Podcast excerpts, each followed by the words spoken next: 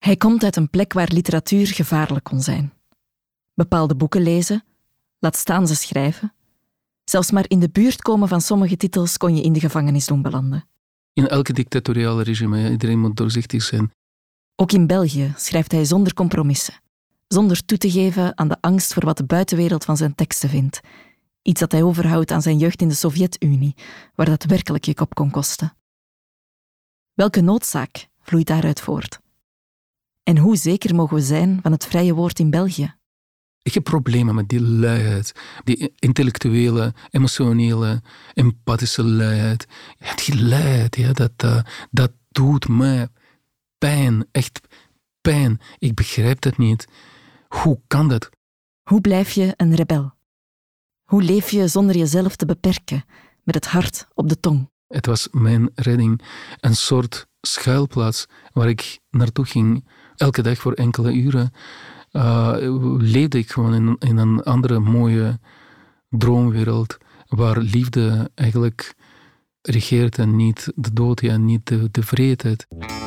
Dit is de zin van mijn leven met Alexander Skorobokatov. Ik ben Anneleen van Offel, schrijver en ongelooflijk slecht in smalltalk. Het totale onvermogen om met de vraag hoe gaat het niet te verzanden in een SWOT-analyse van het leven bracht me al in best wat ongemakkelijke situaties. Maar hier kunnen we gelukkig de koetjes en de kalfjes op stal houden en schaamteloos naar de diepte duiken.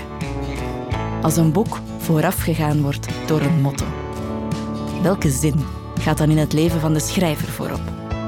Welkom in de zin van mijn leven. Dag Alexander. Dag Annelien. We gaan uh, nog heel even in de backstage van de podcast uh, blijven. Mm -hmm. we hebben dit gesprek natuurlijk voorbereid. Ik, ik, kan nu wel doen alsof ik nog niet weet wat de zin mm -hmm. van mhm. jouw leven is. Ja, maar je weet het, uh, je weet het niet. Misschien, ja, misschien, misschien verander ik dat. Ja, misschien verander. Misschien verandert die elke dag wel. Ja. Maar ehm, toen we elkaar spraken, dan zei je, ik heb niet echt één zin van het leven, of ik heb er toch heel lang over nagedacht. En je kwam uit op drie zinnen. En je hebt een top drie gemaakt. Top drie, ja, inderdaad. Gewoon omdat uh, kiezen, ja, kiezen, kiezen is moeilijk voor mij. Dan beginnen we gewoon bij drie. Ja, bij, uh, bij drie. Het is eigenlijk zo. Ik zou, ik zou, het, ik zou het zo moeten zeggen. Er is geen derde plaats, er is geen tweede plaats. Ja? Uh, beter misschien zo een gedeelde... gedeelde... Oké, okay.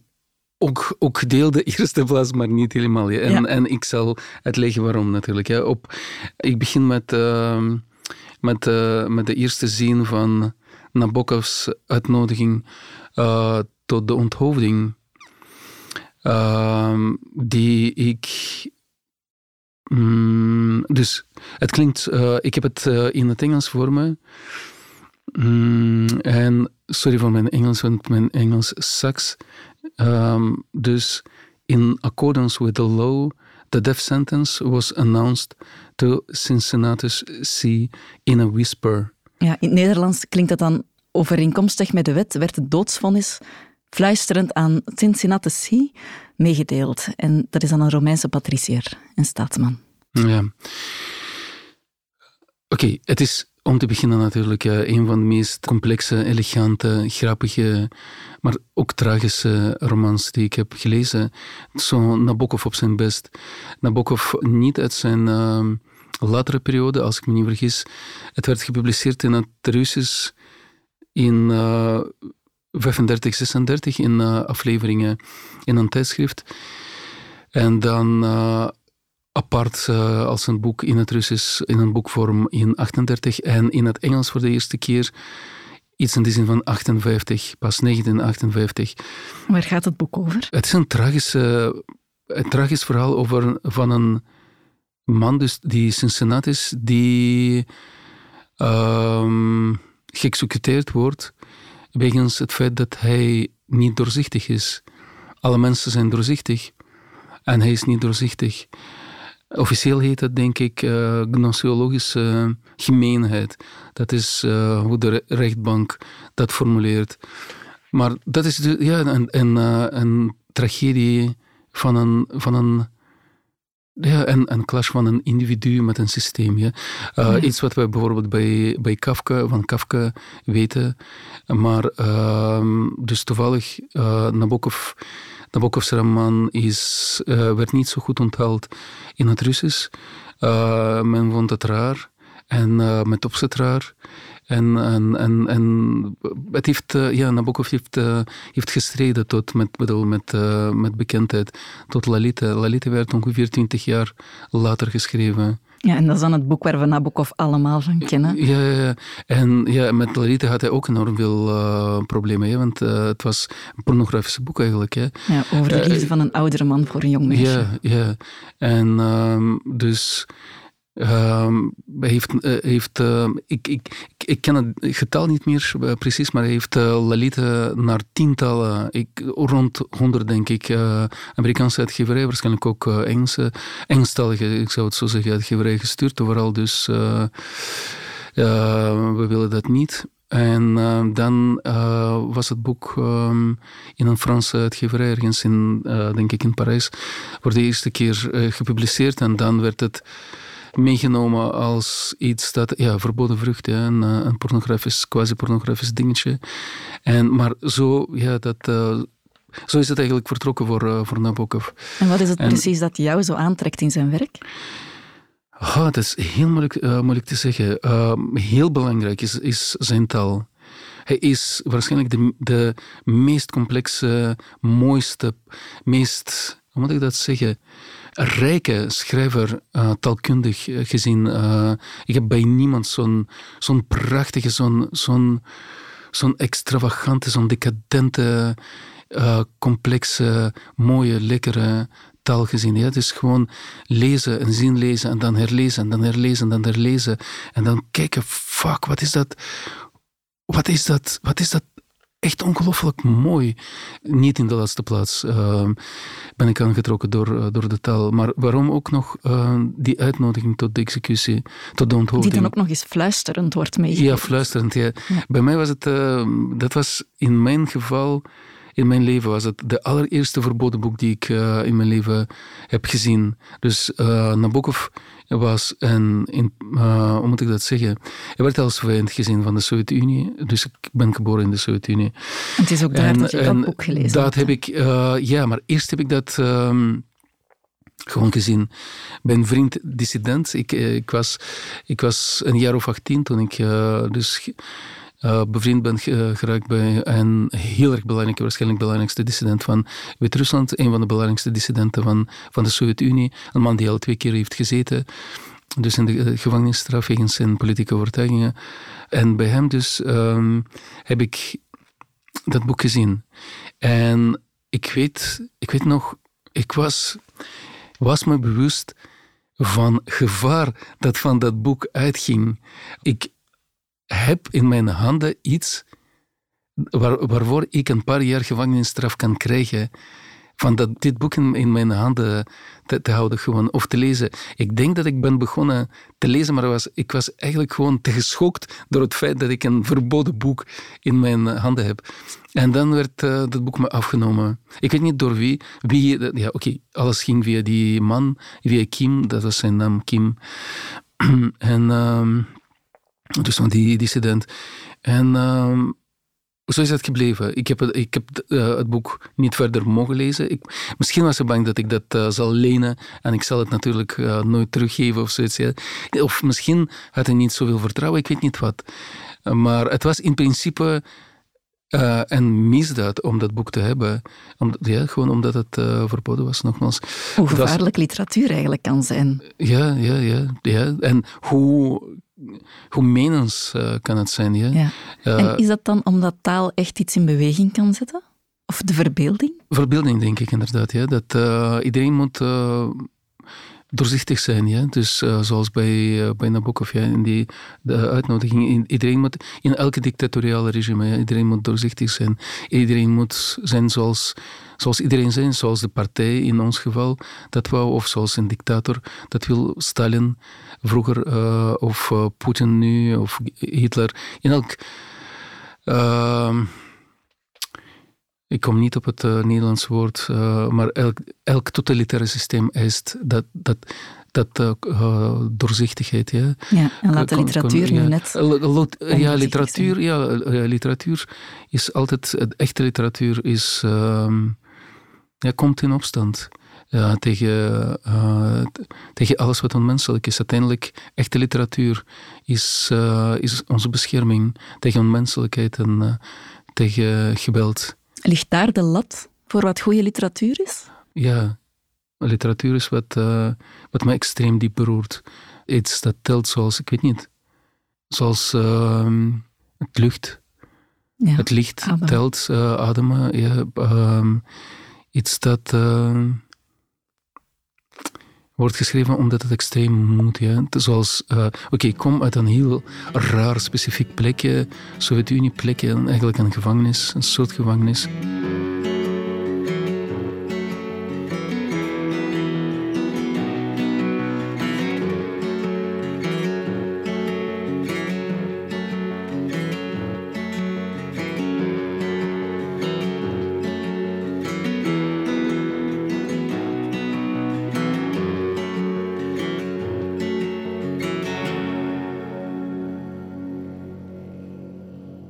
Gaan daar eens naartoe gaan, naar die plek. Want ik hoor heel veel urgentie in de literatuur. En dat is denk ik helemaal iets anders in deze context, in waar we nu leven, waar ja, literatuur weinig gevaar vormt, denk ik. Mhm. Maar daar zullen we het misschien straks over mhm. hebben. Maar ik wil eens gaan naar die tijd waarin dat jij Nabokov hebt gelezen. Of niet mocht lezen. Hoe, zag die, hoe zag die plek eruit? Waar, waar was je toen? Het was, uh, het was in Minsk, dus um, hoofdstad van Wit-Rusland. Ik, ben geboren in Wit-Rusland, in Grodno.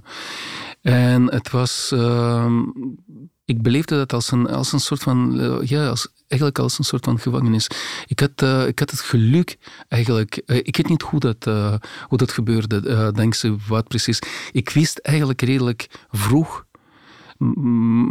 Misschien door, ik weet niet, ik kwam het door literatuur, door het lezen, ik weet niet waarom. Ja. Maar eigenlijk, ik had, eigenlijk als, als een, moet ik dat zeggen, een puber, jong, een jonge volwassene, eigenlijk al in wat voor soort uh, leugen leven wij. Dat, uh, dat we eigenlijk in een uh, ideologische circus soort van, maar dan slechte, met eigenlijk leven. Ja. Dat het allemaal één grote, grote leugen is die we als... Uh, ja, dus alles wat ik me herinnerde van kindsbeen af, wordt je eigenlijk uh, gehersenspoeld. En echt werkelijk, hè? dus echt als, als kind. Hetgene wat nu in, uh, in, in huidige Rusland opnieuw ingevoerd wordt. Hè?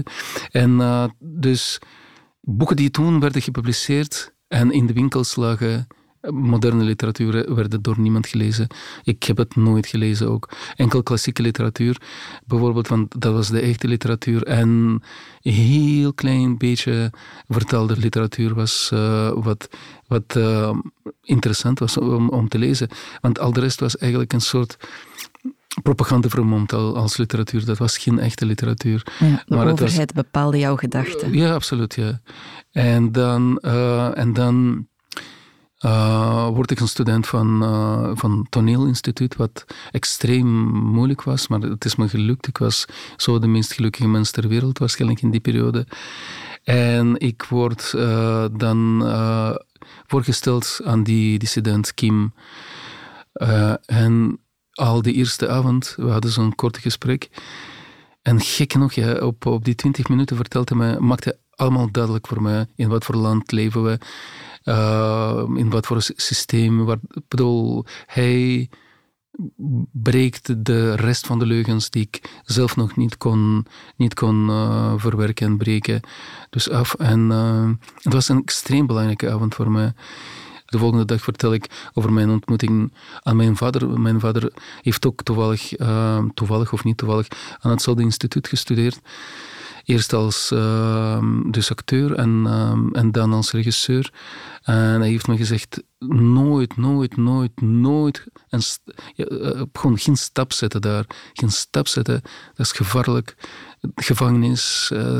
Heeft, uh, dus blijkbaar toen hij studeerde, ehm, ik weet niet welke keer, de eerste keer ehm, als acteur of de tweede keer, gebeurde die waarschijnlijk tweede arrestatie.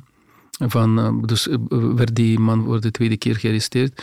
En volgens mijn vader toen werden alle gewoon mensen, maar letterlijk alle, die zelfs maar één keer bij Kim op de vloer zijn geweest, allemaal mee gearresteerd. Of tenminste, um, ja, bijvoorbeeld wat hij zag heel veel studenten van, uh, van het Instituut werden ontslagen. En hij zegt gewoon, je te gevaarlijk, niet meer. Ja. Nee, dus dat is in zijn periode. Hè. En in, in, dus hij heeft mij gezegd, niet doen, niet gaan, te, veel te gevaarlijk. En ik heb zo een maand volgehouden, uh, zonder naar hem te gaan en dan toch wel terug, teruggegaan. Het was... Te, ik was me bewust dat het gevaarlijk is. Ik was me bewust dat, uh, dat ik inderdaad opgepakt kan worden, weggestuurd van, uh, van mijn uh, dierbare instituut kan worden. Maar daar was, daar was iets dat me extreem prikkelde. Daar kon ik praten over werkelijke dingen, over waarheid. Niet enkel over maatschappelijke of politieke aangelegenheden. Maar daar zaten, we zaten allemaal bij elkaar daar. Jonge artiesten, mensen die uh, acteur wilden worden, schilders, schrijvers, dichters, componist. Zelfs een paar componisten zaten daar. Misschien ook niet zo verwonderlijk dat je eigenlijk dat mensen van, hoe moet ik dat zeggen, van ons beroep, wat ook toch wel een risicogedrag vertonen. Natuurlijk, je bent op zoek naar, uh, naar de antwoorden. Ja, en, welke antwoorden waren dat dan? Ja, gewoon uh, anders lezen, anders schrijven.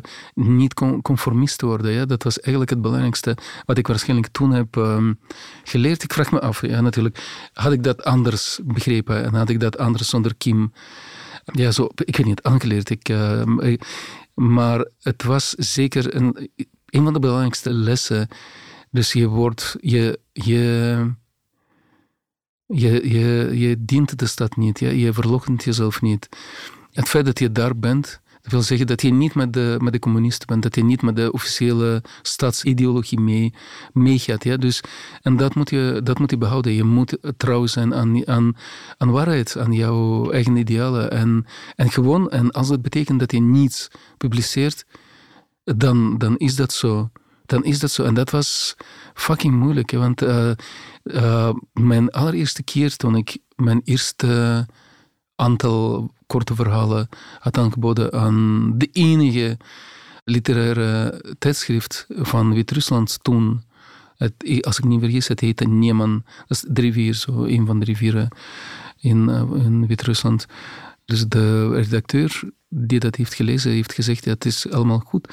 Maar het kan niet gepubliceerd worden. En als je, als je wil gepubliceerd worden, je moet anders beginnen te schrijven. Dat is nooit een optie geweest. Het is nooit een optie geweest. Ik was natuurlijk enorm, ook enorm jong.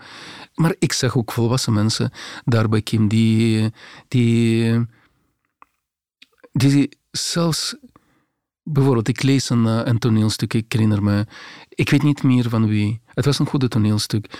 En daar was een paar, bijvoorbeeld, ja, scheldwoorden. Scheldwoorden die niet door de, door de censuur zou, zouden geraken. En ik stel mezelf een vraag, of, eh, of uh, de, Kim de vraag. Maar eigenlijk hoeft maar die paar woordjes schrappen. En dan wordt het gepubliceerd, het wordt op, opgevoerd, op, opgevoerd, beter gezegd. Hè. En Kim zegt, ja, maar hij wil het niet. Hij wil, ja, dat, bedoel, dat is zijn standpunt juist. Hè? Dat, dat hij ook, ook, ook dat woordje, dat, dat, één woordje is voor hem zo belangrijk dat hij eigenlijk uh, bereid is om zijn werk niet te zien opgevoerd worden. En, en wat doe je dan als je op 18 jaar zo'n boodschap krijgt? Ik was waarschijnlijk ontstemd, ja. Het is, het is wel lastig als... Uh, ik bedoel, als je weet dat het is goed en je weet dat het um, origineel is. En uh, ik, ik, heb, ik heb zoiets niet gelezen in het Russisch op, uh, op, op, dat moment. Ja. Dus, uh, en wanneer mensen, en die, ook mensen bij, bij, bij het tijdschrift zeggen, het is goed genoeg om gepubliceerd te worden, maar dat kan niet wegens stijl, wegens de stijl, wegens de manier waarop het geschreven is. Het is natuurlijk lastig en pijnlijk, maar je gaat gewoon door. Je gaat gewoon door. Ja? Dus die, die een soort, hoe moet ik dat, een virus van uh, ongehoorzaamheid zit in je al. bedoel, dat, dat, dat, dat vond ik al extreem mooi. Om niet te gehoorzamen. Om, uh, om, om zeker te schrijven wat ik, uh, wat ik wil schrijven. En al, al zal het niet gepubliceerd worden, maar dan, ik, dan blijf ik trouw aan mezelf. Op dat moment was, was het het belangrijkste voor mij. Maar het is ook niet, niet veranderd in alle eerlijkheid. Nee. Al, die, al die mensen zijn belangrijk voor mij. Hè. Alle drie schrijvers, tenminste uh, werk ik citeer, zijn uh, belangrijk als ik over leraren mag praten, dan is Nabokov mijn leraar, mijn meester, ja, absoluut. Ja. Is Daniel Garms, dus dat is de tweede. Mijn uh, uh, leraar, mijn leermeester, ja, absoluut. En ik heb enorm, enorm extreem veel uh, ook respect eigenlijk voor, ook voor Daniel Garms.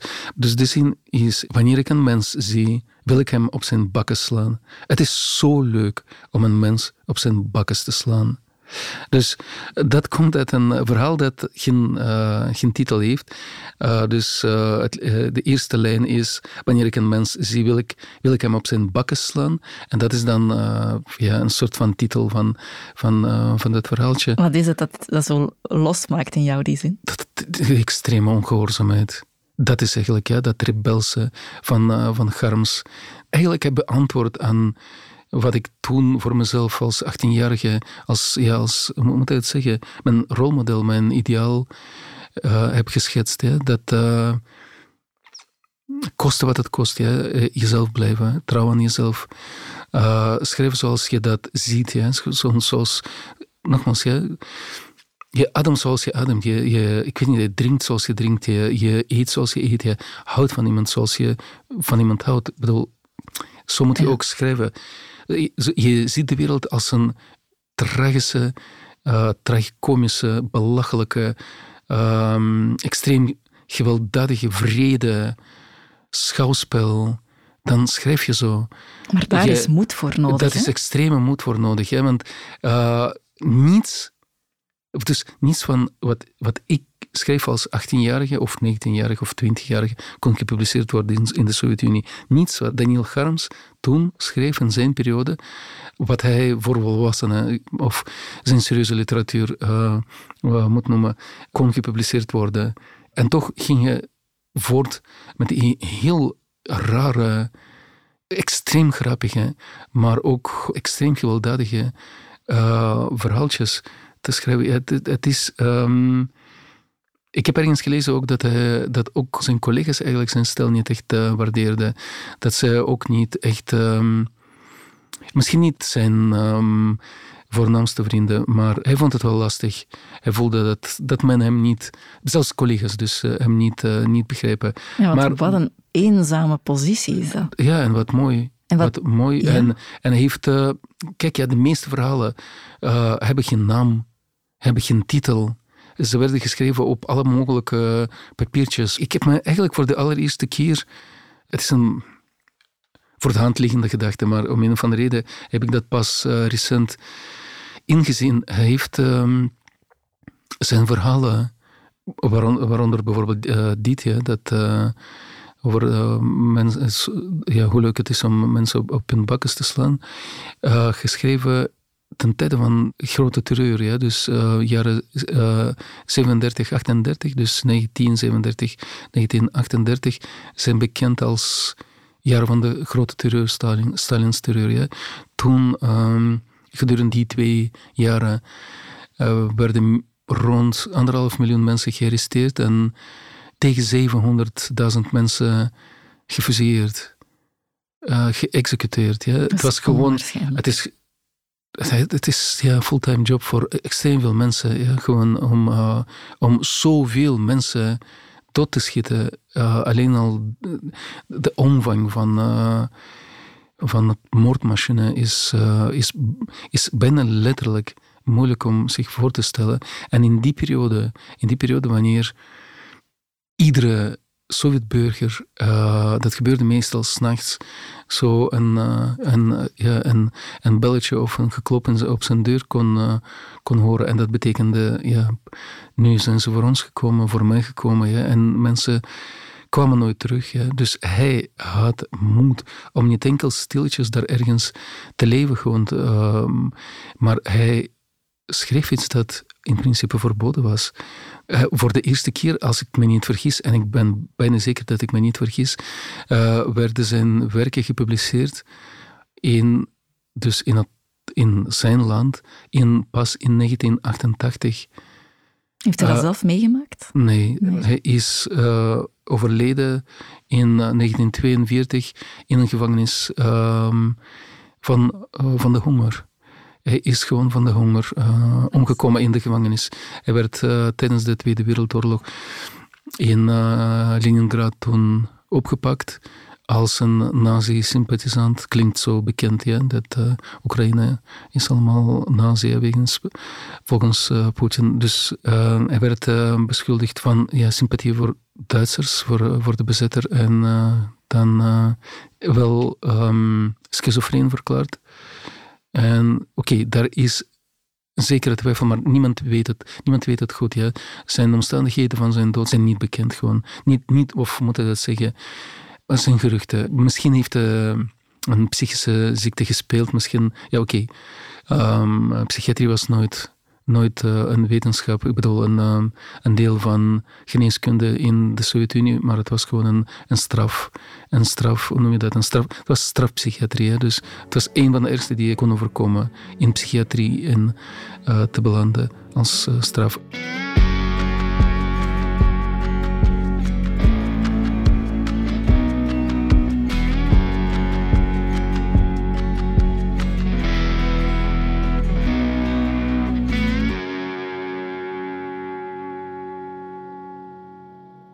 Mensen uh, smokkelden de verboden boeken het land in, wat op zichzelf een misdrijf was. Je kon daarvoor jaren gevangenisstraf krijgen.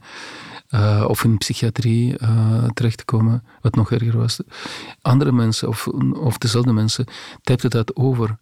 Want uh, er waren geen, denk ik nog in die periode, hoe noem je dat, kopieerapparaten. En, en sowieso, ze, ze, alles wat gebruikt kon worden om eventueel pamfletjes te maken of zoiets was verboden. Ja, dus alle middelen daarvoor werden ook uh, streng bewaakt. Die waagschaal wordt dan wel heel erg groot. Ja, ja, ja. Je legt letterlijk je leven in de waagschaal. Ja, ja, ja. en die mensen dus. Ja, ja, dus, en, dus dat is een. een, een, en, uh, dus sommige dus de mensen uh, smokkelden dat in, andere mensen typen dat uit. En, dus, en wij, mensen dan zoals ik of uh, anderen, want ik ben ook uh, uh, niet onmiddellijk begonnen, niet als 18-jarige, maar later kwam in aanraking met samizdat. Ja. Dus, dat was, dus mijn antwoord is ja. Het, literatuur is dat gek genoeg allemaal absoluut waard ja, om ook jouw, ja, jouw um, veiligheid, dat, op het spel te zetten. En uh, ja. ja, het, was, het was het waard voor mij. Uh, het was het waard voor mij om, om dat te lezen, om, om, om te schrijven, om iets te schrijven dat zeker niet gepubliceerd zal worden. Ik was me dat bewust, dat, uh, wat ik, waarmee ik verder ging. Want het is wel heel sterk dat een regime zo angstig kan zijn voor de verbeeldingen, voor wat er geschreven wordt. Ja, maar dan word je, er is de kans dat je ondoorzichtig zal worden. Inderdaad, dat je, dat je eigen ideeën zal, zal ontwikkelen. En dan en meer, het meer en meer mensen. Ja, inderdaad, dat is eh, in principe wat, wat er gebeurde met, met de Sovjet-Unie. Zijn we dat hier in het Westen een beetje vergeten, wat die kracht van literatuur kan zijn? Ik heb wat moeite om... Uh, om zo'n uitspraken te doen uh, ten opzichte van, van het Westen bijvoorbeeld. Ja. Uh, bedoel, ik ben hier niet geboren je bent hier geboren, je ziet een bepaalde cultuurstroom. Het is een zo'n lastige eigenlijk vraag. Ik wou zeggen, ik ben een vreemdeling, hè. maar uiteindelijk, ik, ik woon in Vlaanderen, in België, langer dan, dan ik in Wit-Rusland of in Rusland heb, uh, heb gewoond, heb doorgebracht. En um, dus ik weet het niet. Dus ik weet het niet. Ik weet het niet verloren of niet verloren? Ja, ik zou zeggen ik, verloren, ja, want het is een soort van wat, en het is een soort van entertainment. Ja. Kijk hoe, hoe kijkt, uh, hoe kijkt, kijk niet, de regering daarop. Ja. Voor, voor centjes, voor centjes. We moeten voor centjes gaan, gaan, gaan wat is het, onze centjes eh, gaan verdienen alsof we niet werken. Hè? Ja, tuurlijk. Bedoel, ja, Ja. Of uh, ja, men ziet inderdaad niet de nut in van cultuur, van, van, van kunst. En dat is eigenlijk dat is extreem gek voor mij. Maar misschien zijn we het zelf als schrijver ook al wat vergeten, wat literatuur in beweging kan zetten. Welke urgentie dat er ook kan zitten in literatuur. Ja, ja misschien, ik, ik weet het niet. Ik bedoel, ik kom uit een totalitaire land waar eh, inderdaad elke, elke bron van waarheid eh, werd ehm, afgesloten, werd verboden ver- eh, verklaard. En, eh, en literatuur was een enorme bron van waarheid. Maar ik bedoel gewoon leven, leven als strijd. Ja, misschien hoeft het ook niet noodzakelijk het is maar een, het is een vraag, ik twijfel, ik betwijfel dat. Misschien hoeft dat niet in, in, in een, in een vreedzame democratisch land zoals, zoals België.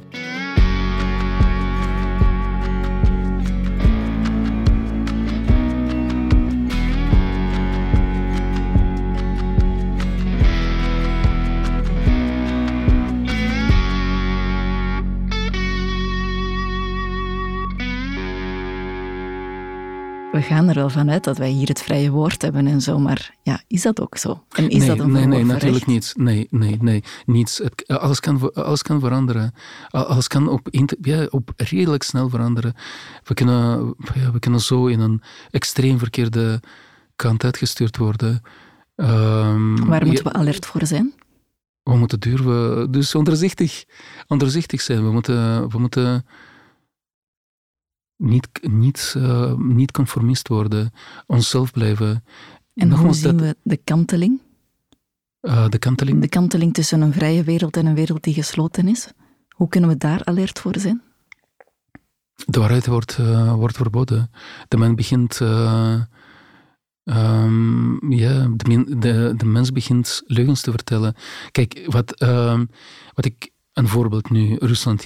Iedereen, uh, miljoenen Russen geloven uh, in, in, het feit dat Oekraïne door de neonazis, drugs, drugsverslaafde neonazis, uh, is ingepalmd. En, en, dus, en de Russen moeten vechten daar, tegen nazi's. Ja? Dus nu, letterlijk, ja, na de Tweede Wereldoorlog zijn de nazi's opnieuw. Uh, dat? Aan de macht ergens. En dat is wel een heilige plicht om uh, tegen nazi's te vechten. Het is een enorme leugen ja, dat, um, dat plotseling ja, even um, alomvattend en, uh, en sterk is geworden zoals het ooit uh, in, in de Sovjet-Unie was. Dus die communistische leugen, die illusie. Op een bepaald moment dan ben je niet in staat om zelfstandig te kunnen nadenken, uh, bijvoorbeeld. Ja? Je bent ja. niet verfijnd genoeg, je bent niet sterk genoeg om zelfstandig te kunnen na nadenken. Oké, okay, Poetin heeft een enorme propagandamachine uh, natuurlijk, uh, waar, die hij inzet, al langer ingezet, om, om mensen te, te brainwashen. Maar nog steeds, ja, je, ik ben een kind geweest in in een totalitaire land, in de Sovjet-Unie. En ik weet dat zelfs in absoluut totalitaire land, waar verschillende generaties in de leugen leven en niets anders dan de leugen zien, ja, volledig geïsoleerd van de buitenwereld, uh, dat je nog steeds anders kan denken, zelfstandig kan denken en tot, tot um, redelijk uh, juiste conclusies zelfstandig kan komen. En hoe uh, moet het dan verder? Als je dat licht is aangegaan, wat doe je op dat moment? Um, jezelf blijven. Ja. Gewoon jezelf blijven. Hetgene wat je. Wat, shit, het is, het is ook makkelijk om te zeggen natuurlijk. Hè? En ik besef dat al, maar al te goed. Ik wou zeggen bijvoorbeeld vechten hè, voor jou, uh, dan voor jou. Idealen, dat zijn allemaal goedkope woorden als, als ze zomaar worden uitgesproken. Ik heb ooit in die situatie rond de dissident uh, gezeten wanneer ik wist, en wij wisten allemaal, dat we zeker gevaar lopen, dat we elke dag gearresteerd kunnen worden en, en um, onze, ja, onze toekomst uh, in principe staat wat op, op losse schroeven. Maar um, dat was het ongeveer. Wat men nu bijvoorbeeld in Poetins Rusland uh, meemaakt, hè, bijvoorbeeld de straat opkomen met protest. Maar ik vraag mezelf, mezelf af, zou ik dat kunnen eigenlijk? Hè? Want het is heel makkelijk om te zeggen, ja natuurlijk, hè, het is gewoon, ja, ik zou het zeker doen. En, maar, maar als ik weet dat ik zeven à negen jaar gevangenisstraf zou, zou, zou krijgen, tot tien jaar, voor uh, stop de oorlog opschriftje, ben ik wel, ben ik wel sterk genoeg daarvoor. Ben ik wel bereid om in elkaar geslagen te worden, jouw tanden uit, uitgeslagen, uh, in de gevangenis uh, verkracht, want dat is ook wat, wat gebeurt. Wat, wat, is niet, wat is moeilijk om voor te stellen hier mannen worden verkracht met, uh, hoe heet het, bezemstellen. En hoe, hoe, hoe, hoe? Ik bedoel, dat...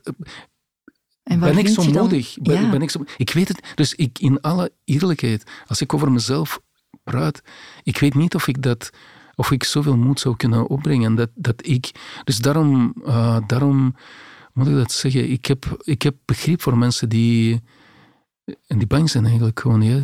Maar ik heb geen. Um, ik wil zeggen, ik heb geen begrip voor, voor mensen die niet de moeite doen om de leugen te, te doorbreken. Maar misschien ergens, ergens misschien ook.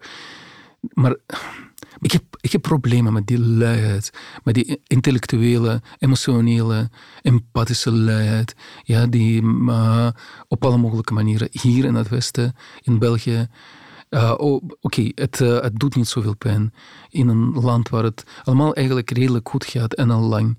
Maar vooral daar, bijvoorbeeld nu, in Rusland, waar zoveel kennissen van mij, oude kennissen, jammer genoeg nu, en zelfs vrienden ooit nu wonen, dat uh, die, die leidt, ja, dat, uh, dat doet mij pijn, echt pijn. Ik begrijp dat niet. Hoe kan dat? Ja? De, uh, dat, is, dat, is wat, dat is wat kunst ons leert. Daar ben ik zeker, die verfijning. Ja? Want dat is dan, oké, okay, we vergaren kennis uh, als dat een juist woord is. Ja. Uh, op school, op de UNIF, ergens anders. Ja. Maar, uh, maar kunst verfijnt ons. Ja, dus die verbeelding, dat krijg je via kunst. Dus moeten we kunst natuurlijk, naar waarde schatten? Natuurlijk, dat is te gek voor woorden. Ja, dat, dat dat hier wordt aangezien als een soort van wat. Een decadent spelletje voor een paar intellectuele, uh, verfijnde, ik weet niet, zielen, maar eigenlijk niet echt noodzakelijk. Hè. Uh, de bakkers zijn noodzakelijk. Ja, de bakkers zijn noodzakelijk. Maar kunst is even onontbeerlijk gewoon.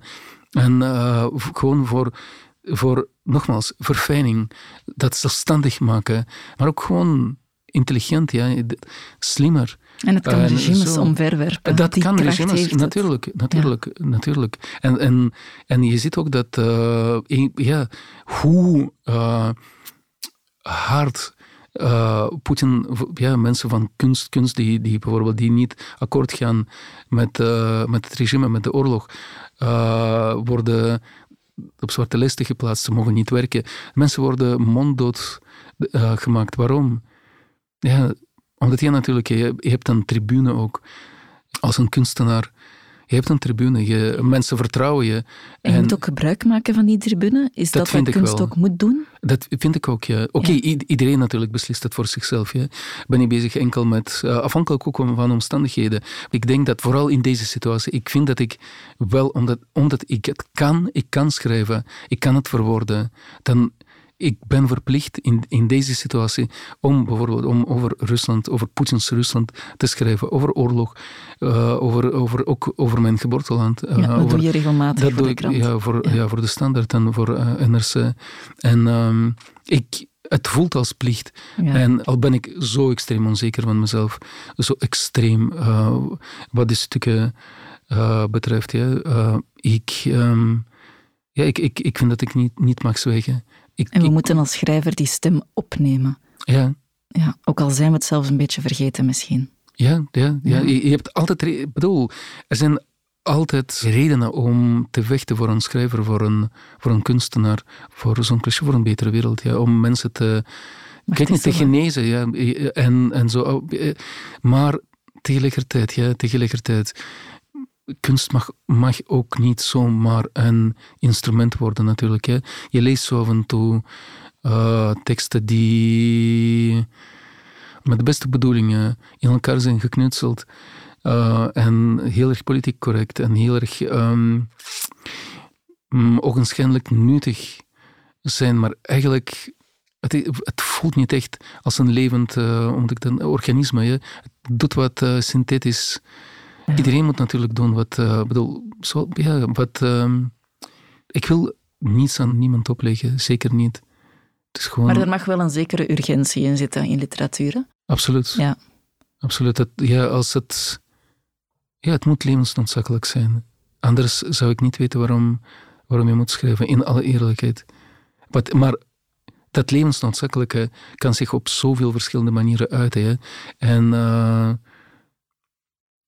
pure uh, stilistische schoonheid van, van een tekst is een noodzaak, is, mm. is, is levensnoodzakelijk.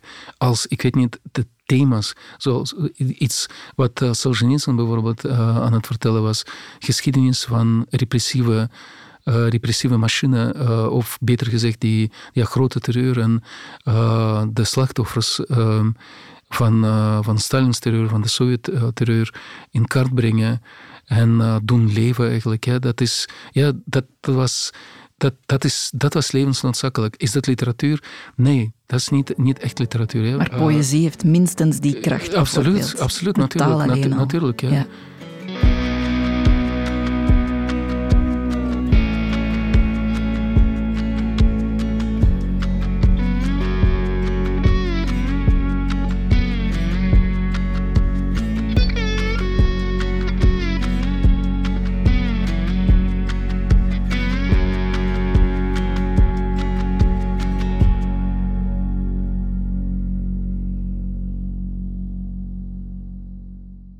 Is nu de ultieme zin van je leven? Het begin van uh, roman van uh, Hemingway, Movable Feast. Ik, ik, ik weet niet hoe dat, uh, wat de vertaling van de titel, Nederlandse vertaling, is. maar dus ik heb het ook in het Engels. Dus then there was the bad weather. It would come in one day when the fall was over. En, en kort heel erg leuk roman die me eigenlijk met, met de droom van schrijver, met de, met, met de droom van um, schrijver worden in het echte leven heeft besmet. Uh, het, het, heeft me gewoon getoond, het kan, het kan, bedoel, het is menselijk om een schrijver te worden. Het is menselijk om te, uh, om boeken te schrijven, om gepubliceerd te worden, daar, heb, daar had je een ja, verhaal van, van uh, geschreven door, door de uh, jonge um, Hemingway over zijn beginjaren als schrijver. Toen hij niets had, toen hij geen geld had, toen hij geen roem had, toen hij uh, nog niets heeft gepubliceerd, niets van zijn li literaire werken. En ondanks een absolute onzekerheid. Uh, dat je iets goeds kan, kan, kan schrijven. Toch wel, ja, je, je kan doorweg een soort van jouw weg vinden, jouw literaire weg vinden, uh, uh, door jouw uh, hoe moet ik dat noemen? Onkundigheid, jouw uh, kromme taal, jouw slechte taal, jouw onmacht, ik weet niet. Gewoon vechten, gewoon alles laten vallen. En uh, gewoon, jouw, gewoon achter jouw droom aangaan. Jouw, jouw, ja, dat is, dat is dan, dat is eigenlijk wat, wat literatuur, ik moet dat zo zeggen, literatuur is altijd voor mij een droom geweest. Het is nog steeds een droom. en uh, het is een soort, ja, het is, het is gewoon nastreven van, van droom, wat voor mij literatuur is. Ja. Eigenlijk, ah, wat literatuur altijd is, is geweest. En Hemingway heeft die weg voor jou getoond. Ja, dat is een soort van handleiding voor een jonge schrijver. Ja. Gewoon alles laten vallen, vertrouwen gewoon. Ja. En, en doen. Vooral gewoon schrijven, schrijven, schrijven, vertrouw jezelf. Ja, en de rest heb ik van iemand anders. Ook van, uh, van, dus van mijn eh, heel erg belangrijk. Uh, dus die, uh, mensen in mijn leven, dissident, meegekregen, maar ook van mijn collega's, um, would-be gigantisch grote artiesten, regisseurs, componisten, dichters, schilders, ja, dat jezelf blijven, niet conformist worden, trouw, trouw, trouw aan jezelf trouw aan, aan de waarheid ja, blijven. Dat, dat is het. Dat, ja, dat, dat is eigenlijk het belangrijkste. Hè. Dus het dat blijven, ja, dat, jouw droom, wat is het? Uh, blijven nastreven. Hè, of um, niet ontmoedigd geraken. Hè, want dat is eigenlijk het ergste waarschijnlijk. Het moeilijkste. Hè, want uh, niemand begint geweldig goed, tenzij toevallig. Je begint uh, geweldig goed. Wel, maar het is het is extreem moeilijk om, om te beginnen. En dat die notie van je moet, je moet ja. doorvechten, je moet doorvechten, je moet jezelf, in jezelf geloven, al is dat zo onmogelijk, de droom. In, in de stad waar ik, waar ik ben geboren, de stad, in mijn geboortestad, ja, Grodno, woonde maar één schrijver, één schrijver. Dus ja, in, die, in die periode, ik bedoel, het leek zo onmogelijk om een schrijver te worden. Het, het, het leek zo onmogelijk om gepubliceerd te geraken. En dan met, met mijn nieuwe, die maximalistische idealen, je mag ook niet, uh, ja, je, je, mag niet meegaan, je mag niet, niet, geen meeloper van het regime worden. Uh, het leek gewoon onmogelijk om gepubliceerd te geraken. En toch, en toch doe je toch dat. Was toch. Ja. Op welk moment precies wist je van, ik moet hier vertrekken? Ik was constant aan het vertrekken. Hè. Dus ik was van mijn, van mijn geboortestad naar, uh, naar de hoofdstad van Wit-Rusland, daarna naar Moskou. Want Moskou, in Moskou moest je zijn om, om iets te bereiken, wat dan ook te bereiken. De belangrijkste ver, verplaatsing, dus naar Moskou, naar Literatuurinstituut, Gorky Literatuur, Literatuurinstituut, een uh, beroemde uh, oase van vrijheid, was eigenlijk was, was bepalend. Ook was bepalend voor mij. Uh, in de zin van voor de allereerste keer werd mijn schrijven eigenlijk legitiem. Ik werd een soort van verplicht om, om te schrijven, want je moest dan per jaar een bepaald aantal bladzijden, uh, om het zo bot te zeggen, te, te, produceren, minimum zou ik zeggen. En dan, ja, dan werd het besproken twee keer per jaar en zo. En daar heb ik voor de eerste keer dan heb ik eigenlijk mensen ontmoet die, uh, ik las of die ik hoorde ergens, wiens naam ik ergens in, een krant of in een uh, tijdschrift uh, tegen kon komen. En daar werd het echte literaire leven plotseling zo binnen handbereik. Maar dat handbereik was heel erg misleidend, omdat nog steeds wat ik toen schreef was onaanvaardbaar, kon, kon niet gepubliceerd worden. Dat wist ik en dat kreeg ik te horen ook van mensen van, eigenlijk mensen van mijn, ook, uh, van mijn eigen leeftijd.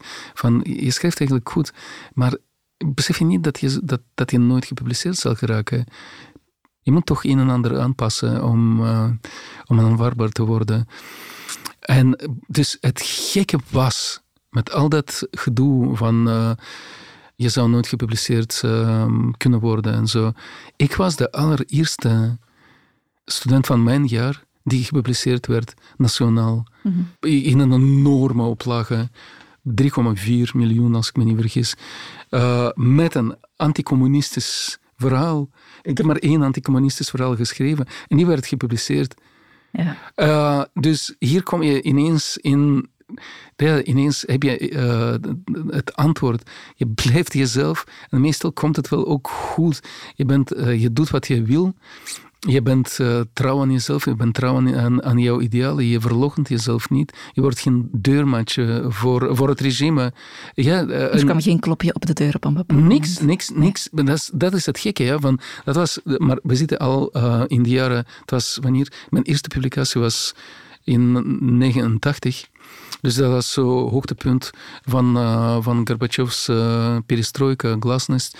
Dus uh, ik weet nog steeds niet waarom precies dat verhaal, anticommunistisch verhaal, waarom werd dat verhaal uitgepikt als eerste. Ik heb zo twee theorieën. Ten eerste, ze hebben dat gewoon niet begrepen, dat het zo was. En het kan, het kan perfect zijn. Maar het kan ook zijn dat uh, op die, in die tijd was natuurlijk, ja, alles, alles was verboden. Uh, maar nog steeds bedoel ik. Maar eigenlijk niet zo erg zoals vroeger. En mensen begonnen toen uh, de limieten af te tasten. Hoe ver kunnen we gaan? En misschien was ik zo gewoon een, een soort van ik weet niet, een guinea pig, ja, zo'n een, een, proefkonijn. Kunnen we dat publiceren? En als dat niet kon, dan, dan zou ik misschien dan uh, moeten boeten of, of zoiets. Maar het werd, uh, het werd gewoon het meest populaire verhaal van, van, in anderhalf jaar. Maar je moet het wel met schrik gepubliceerd hebben, denk ik. Nee, nee, nee. nee, nee. Ik, ik, was aan het vliegen, ik was aan het ah, zweven. Ik, niet eens ja, die eerste dag toen ik dat, nieuws had vernomen. Ik, ik heb denk ik de hele dag de, de, hoe noem je dat, de aarde niet aangeraakt met mijn voeten. Ik was echt aan het zweven gewoon de hele tijd. Ik was de, de gelukkigste mens uh, ter wereld. Uh, en uiteindelijk was het toch het leven dat je naar hier bracht en niet de literatuur? Het was eigenlijk gewoon, uh, ik was getrouwd en, met een Vlaamse en, en ze kon geen verblijfsvergunning krijgen in de Sovjet-Unie. En, ehm, en dan um, werd daar een een job aangeboden voor een Vlaams bedrijf die in Moskou werkte. En op zo'n manier kon ze aan uh, lange visum geraken. Ik kwam naar hier voor twee weken en het is ondertussen 30, ja, met uh, zeg ik. Het is 30 jaar gewoon geworden. En uh, die eerste jaren zat ik met, met, met de gedachte van het is tijdelijk en ik ga terug, zeker terug. En dan, uh, je weet wat, uh, wat mij overkwam, of beter gezegd mijn zoon. Ja, mijn zoon werd uh, in 2002 ontvoerd en vermoord in, in Rusland. En toen was het was het moment wanneer ik heb beslist dat ik ga niet meer terug. Gewoon, ik, ik, wil, ik, kan dat niet. Ik wil met dat land niets, niets, meer, niets meer te maken hebben. Wou ik zeggen, ik, het is niet zo ik kon het niet meer. Gewoon. Ik, kon niet meer uh, ik kon niet meer terug. Het, uh, wegens de moord op mijn zoon kon ik, kon, ik, kon het. Ik ben nooit meer naar Rusland geweest. Nooit meer. Daarvoor ging ik uh, soms per jaar twee, drie keer naar, naar Rusland. En sinds 2003, sinds dus de rechtszaak tegen, tegen zijn moordenaars, ben ik daar nooit geweest. Dus het is hoeveel? Twintig jaar dit jaar? Ja ongeveer zo wat ja, geleden. En, uh, dat is een enorme persoonlijke tragedie. Wat kan literatuur daarin betekenen? We hebben, zo, we hebben een aantal, aantal moorden op kinderen gezien hier in België. Uh, rond Dutroux en zo. En je ziet, uh, ik, ik, heb die ouders natuurlijk niet gekend, maar zo, zo gezien, je ziet wat, uh, je, je, weet ongeveer ook wat, wat het met, met ouders doet. Je ziet mensen we zijn niet, moet ik dat zeggen, we zijn niet berekend op zoiets. Hè. We zijn niet berekend op uh, verlies van, van onze kind. Hè.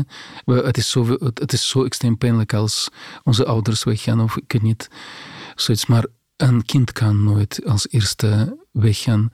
Dus je, je, het, het, het, breekt je, om, om het zacht te, te, te zeggen. In mijn, in mijn geval, ja, twee dingen. Uh, dus het eerste, toen ik net terug was van, uh, van Moskou, van, van de rechtszaak, en ik voelde, ik begin echt door te draaien. En ik, ik was bang van, uh, dat ik op een bepaald moment gewoon controle over mezelf zal verliezen. En ik was echt bang van uh, wat, er, wat, er, wat er zal gebeuren. Gewoon.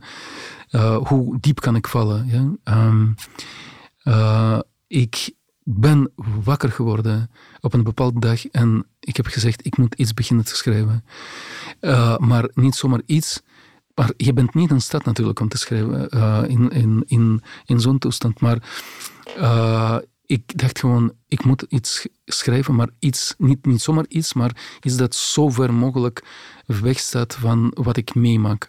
Iets dat vol liefde is, vol, ja, gewoon een mooie verhaal vol licht, liefde, goede gevoelens, geluk of zoiets. Portret van een onbekend meisje. Ik heb toen uh, dus uh, een roman, uh, Portret van een onbekend meisje, geschreven die in de Nederlandse vertaling in 2015 werd gepubliceerd. Dat was dus, ik had niets ik had geen structuur, ik had geen plan, ik had, uh, ik had zelfs geen, eigenlijk geen onderwerp en geen thema. Ik dacht gewoon, oké, wat, is, wat is zo mooi wat in ons leven, in mijn leven, wat nog, zeker nog niet uh, verpest is door, ik weet niet, jouw eigen verantwoordelijkheid. Uh, ja, die, ja, ik weet niet. Um, door de buitenwereld. En ik dacht aan kindertijd. En dan begon ik iets over kindertijd te schrijven. Dan dacht ik, ja, eerste liefde. Want de eerste liefde in mijn, in mijn leven was zo bepalend en zo sterk. En ik schakelde over naar eerste liefde. En dat is eigenlijk een zo... Zo ben ik uh, verder gegaan en eigenlijk het was mijn redding. Het was mijn redding. Het was uh, dus een soort schuilplaats waar ik naartoe ging voor elke dag voor enkele uren. Uh, leefde ik gewoon in, in, een andere mooie droomwereld waar liefde eigenlijk uh, regeert en niet de dood en niet de. De tekst, de roman, heeft me eigenlijk gewoon gered. Ja, zo, zo gevaarlijk als literatuur voor de wereld kan zijn, zo kan het soms een schuilplaats voor het leven zelf. Ja, het, kan, ja, het, heeft, het, heeft, ja, het heeft me gered. Dankjewel, Alexander. Dank je. Dit was de zin van mijn leven. Een podcast van Curieus in een productie van House of Media en ik ben Anneleen van Offel. Wil je de zin van je leven zeker niet missen? Volg ons dan op Spotify of op je favoriete podcastkanaal. Daar kan je ook een review achterlaten of tip ons aan je vrienden.